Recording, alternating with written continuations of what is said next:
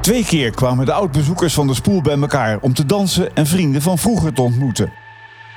Nou, ik merkte vooral dat toen ik er was, uh, uh, dus bij de laatste reunie, dat het toch een veel belangrijke rol in mijn leven heeft gespeeld dan dat ik eigenlijk dacht. De reunies waren een groot succes. Tijd om de balans op te maken. Wat heeft de legendarische danstent in de Fabriekstraat in Tilburg bijgedragen aan de stad? Ik denk dat het een van de pilaren of pilaartjes is die ervoor gezorgd heeft dat uh, Tilburg een ontzettend leuke stad is geworden. Mijn naam is Frank Dumosch. Ik woonde in de jaren 80 in Tilburg en was een vaste bezoeker van de Spoel. Dit is aflevering 6 van de Spoelkast, de erfenis. Nou, het was een, een reunie die zijn naam eer aandeed. De dag na de eerste reunie spreek ik met Paul Geerts. Ik ken hem nog uit de jaren 80 toen ik als drummer in bandjes moeite deed hem door te breken. En hij de journalist van de regionale krant was die over popmuziek schreef. Er waren echt veel oude bezoekers van, uh, van, van, van vroeger, van vroeger tijden. Jaren 80, jaren 90. Hoewel mijn hoogtepunt in de jaren 80 liggen. Ik heb, ik heb de jaren 90 ook nog meegemaakt hoor. Maar het, het, het hoogtepunt. Uh, van mijn spoeljaar vind ik echt wel de jaren 80. Toch? En die waren, daar waren heel veel mensen van die, uh, ja, die de moeite hadden genomen naar de reunie te komen. En uh, dat vond ik wel bijzonder. Ik, het, het, kwam echt wel tot leven. In die zin dat de verhalen van toen, nou, op de, op de Facebook-pagina werden die natuurlijk al gedeeld. Maar ja, als je daar dan tenslotte rondloopt, ja, dan worden ze nog veel meer gedeeld. En dan ga je veel meer de diepte in. En ja, dan komen er wel mooie verhalen uit. Ja, wat iedereen gedaan heeft hoeveel kinderen iedereen heeft, wie er al opa en oma is. Dat soort verhalen, ja, dat uh, hangt samen met de leeftijd. Deed het ook iets met je hoofd, zeg maar? Deed het het feit dat je eigenlijk toch weer in een soort tijdcapsule uh, terechtkomt? Nou, ik, het, het grappige was dat ik... Dat vond ik bij de Facebook-pagina, vond ik dat sowieso al wel naar boven borrelen. Dus dat vond ik wel mooi. Je gaat er toch automatisch wel over nadenken. Die avond zelf en ik was de tweede avond, dus ik had al wel wat meegekregen van de mensen die de eerste avond bezocht hadden. Die avond zelf stapte ik vrij neutraal in. Ik denk van oké, ik ga een avond uit. Ik ga nog wel vaker uit, dus dit kan er dan wel bij. Ik, en ik hang nog wel eens tot drie uur in de stad. Hè. Dat geldt niet voor iedereen die daar was. En voor sommigen was het echt weer een herbeleving. Maar ik had er eigenlijk in die zin niet zoveel van verwacht. En uh, ja, op het moment dat ik binnenstapte en de eerste bekende tegen het lijf liep ja, het was wel bijzonder en dat hield ook niet meer op. Dus er waren zo ontzettend veel bekenden uiteindelijk. Dat, uh, ja, het, ja dat heeft, het heeft me verrast. En, en natuurlijk, dan ga je automatisch nadenken. Ja, dan, uh, dan, dan ga je toch weer over die tijd nadenken. Wat komt er ja. naar boven dan? Onbevangene, zeg maar, van die, uh, van die tijd. Uiteindelijk was het natuurlijk, als het als het om het economisch klimaat gaat, was het echt gewoon geen goede tijd. De jaren tachtig. Um, ja, het, het, is nu voor jongeren lastig om, om, om te leven en om te studeren. Maar in die tijd, ik, weet dat al mijn vrienden zo halverwege de jaren tachtig afstudeerden. Halverwege de jaren tachtig, tweede half jaren tachtig. Uh, niemand had een baan. Ik ben bij beide reunies geweest. En één ding viel me op. Het verschil met vroeger was best groot. In mijn spoeltijd was ik zeker niet haantje de voorste als het ging om het aanspreken van mensen die ik niet kende. Maar in de smederij praatte iedereen met iedereen. Oud-spoelganger Wilma Lichthart herkent dat. Maar dat vind ik heel leuk dat je dat zegt. Want uh, ik, heb, ik heb heel erg genoten van die reunieavond. Maar er zijn ook een paar mensen naar mij toegekomen. En die zeiden, ik vond jou altijd zo. Maar nu wil ik je wel zeggen hè, dat. En toen dacht ik, wat leuk. Maar je was gewoon natuurlijk jong en je was onzeker. Dus je wist helemaal niet dat je er goed uitzag en hoe je overkwam. Als je nou terug, terugdenkt aan die periode, hè, speelde Spoel überhaupt nog een rol in je gedachten? Nou, ik merkte vooral dat toen ik er was, uh, uh, dus bij de laatste reunie, dat het toch een veel belangrijkere rol in mijn leven heeft gespeeld dan dat ik eigenlijk dacht. Want ik denk dat het voor mij een plek was waar ik, ik voelde me verbonden. Ik voelde me met de muziek verbonden. Ik voelde me met de mensen verbonden. Ik denk ook zeker dat waren heel veel mensen uit uh, van de kunstacademie, van het conservatorium. Ik wilde graag, hoe heet het nou, theater, actrice. Het werd niet zo uitgesproken, maar je, voel, je voelde wel van dat is oké, dat, dat kan jij doen. Maar het is eigenlijk best wel mooi wat je vertelt. Dat betekent dus dat, dat, dat ergens, en dat geldt, ik herken dat ook wel, dat ergens toch dat creatieve, wat, wat in jouw leven een hele grote rol gespeeld, in mijn leven wat meer secundair, dat is toch altijd is ook ontwikkeld in die periode. Ik, ik had dat ook, dat ik dacht van goh, mijn hele muzikale periode in bandjes spelen en weet ik wat, is allemaal geaard in wat ik daar zag, de mensen die ik daar sprak voor mezelf, ik wist gewoon, ik wil dat, ik wil dat, ik ga dat doen. Ik ga actrice worden, ik ga op het podium. Maar mijn hele directe vriendenkring, dus die meiden, die gang, die wisten het wel. Maar ik, nou nee, nee ja, ik denk wel. Ik klopt wel. Ik denk toch wel dat de, de mensen met de spoel met wie ik echt close was, die wisten het wel en die stimuleerden het ook. Dat denk ik wel. Ja, klopt. Grappig. Daar kom ik nou eigenlijk achter. Eerlijk gezegd is er veel langs mij gegaan. En heb ik het minder bewust meegemaakt dan ik vooraf had, had gedacht eigenlijk. Walter de Wit, organisator van de reunie en oud-DJ van de Spoel. Je bent dan toch met heel veel dingen bezig waar je zes, zeven maanden naartoe hebt gewerkt. Gaat dat goed? Uh, werkt, werkt het decor? Werken de DJ's? Is de volgorde goed van de DJ's? Draaien ze de goede nummers? Uh, terwijl ik vanaf het begin heb gezegd: ik bemoei me niet met wat jullie gaan doen, want jullie zijn oud en wijs genoeg. Maar ik ben ook oud en wijs. En dan toch, en een beetje eigenwijs. Dus dan, en een beetje controlfreak. Dus dat eh, maakte het een beetje lastig. Eerste avond heb ik eerlijk gezegd, en dat vond ik erg jammer ook omdat er een personeelsreunie aan vooraf ging, eh, heb ik te weinig bewust meegemaakt. En de tweede avond heb ik er meer van genoten. Dat was ook leuk. Ook leuke mensen ontmoet eh, die avond. Maar de eerste avond ben ik vooral geleefd. En heb ik me laten leven. En dat is eigenlijk beter. Ook heel veel goede reacties, hè?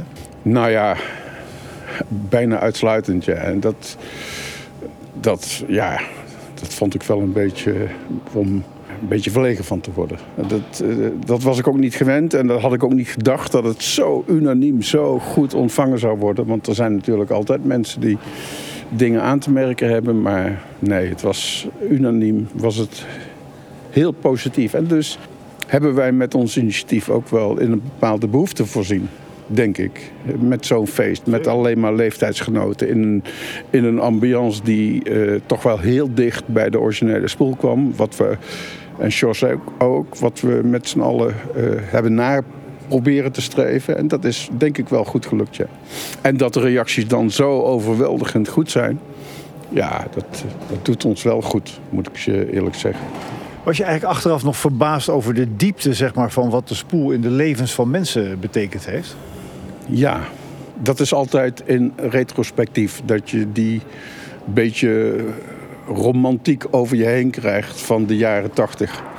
Ik begrijp het wel, maar ik heb er zelf tot voor kort, tot voor een jaar eigenlijk niet bij stilgestaan. Dat, dat wij onderdeel waren van een toch wel mooie generatie op een plek waar we met z'n allen toch wel de, de puberteit achter ons hebben gelaten en een beetje volwassen zijn geworden. En ehm, daarbij nadenkend en met gesprekken met anderen en eh, al lezend in de, in de Facebookgroep hoe dat anderen dat ervaren hebben, komt dan bij jou zelf ook het besef van wow, daar heb ik gewoon deel van uitgemaakt. En dat vond ik wel bijzonder, ja. Ik, ik word hier echt een beetje weemoedig van. En dat ik hier nu vandaag dan in Tilburg tegenkom, terwijl wij in Hilversum bij elkaar om de hoek wonen. Ja, dat, dat, dat is heel bijzonder. Je hoort de stem van Aldert Hunkar, mijn oud jeugdjournaal-collega. Als je nu terugkijkt op die periode, wat is nou zeg maar ehm, dat stukje in jouw persoonlijkheid of in je ontwikkeling geweest wat herleidbaar op de spoor is? Dat ik eh, niemand die mij nu tegenkomt zal denken: wat een verlegen meisje of vrouw. En voor de spoel was dat wel. Dus dat was het verschil. Van een heel verlegen, bijna muurbloemachtig kind naar uh, die persoon die jij kent, die gewoon uh, zegt wat ze vindt. Outspoken, eerlijk. Ja, dat. En dat het kan en dat, dat je niet doodgaat als je dat doet. ja, jij. Bij voormalig eigenaar Jos van der Bos praten we thuis na over de reunies en over de betekenis van de spoel. Ik heb nooit gerealiseerd dat, dat, zo'n, uh, dat er zo'n mensen op zouden reageren. Ik bedoel, 350 vonden we eigenlijk al veel. En dat het er uiteindelijk duizend werden. Ja, Hoe kijk je erop terug op de reunie? met een eh, positief gevoel. Een heel positief gevoel. Ik heb ervan genoten. Ik heb veel mensen een hand en een knuffel kunnen geven. En eh, dat voelde goed. Alleen ik zeg altijd, tijd is te beperkt. Voor herhaling vatbaar? Ja, ik vind het vooral, ja. ja. Als je nou, nou kijkt, hè, want eh, jij bent ook een Tilburger, eh, niet geboren, maar wel inmiddels al, woon je al een mensenleven wel hier. Heb jij nou enig gevoel bij wat, wat zeg maar de erfenis van de spoel is voor de stad? Oeh. Dat is een moeilijke vraag. Is er een erfenis? Nou, ik denk dat nu zeker in het begin, ehm, toen de spoel ging sluiten, hoe dat de spoel werkte, hoe dat spoel draaide, de muziek vooral die er gedraaid werd, dat dat wel begrepen is door andere ondernemers. Maar goed, de spoel heeft misschien schijnbaar de grootste impact gehad. Het zal wel. Nou, dat weten we wel zeker, toch? Nou goed, ik ben. eh, Een bescheiden mens. ik, ja, gewoon. eh, het is goed.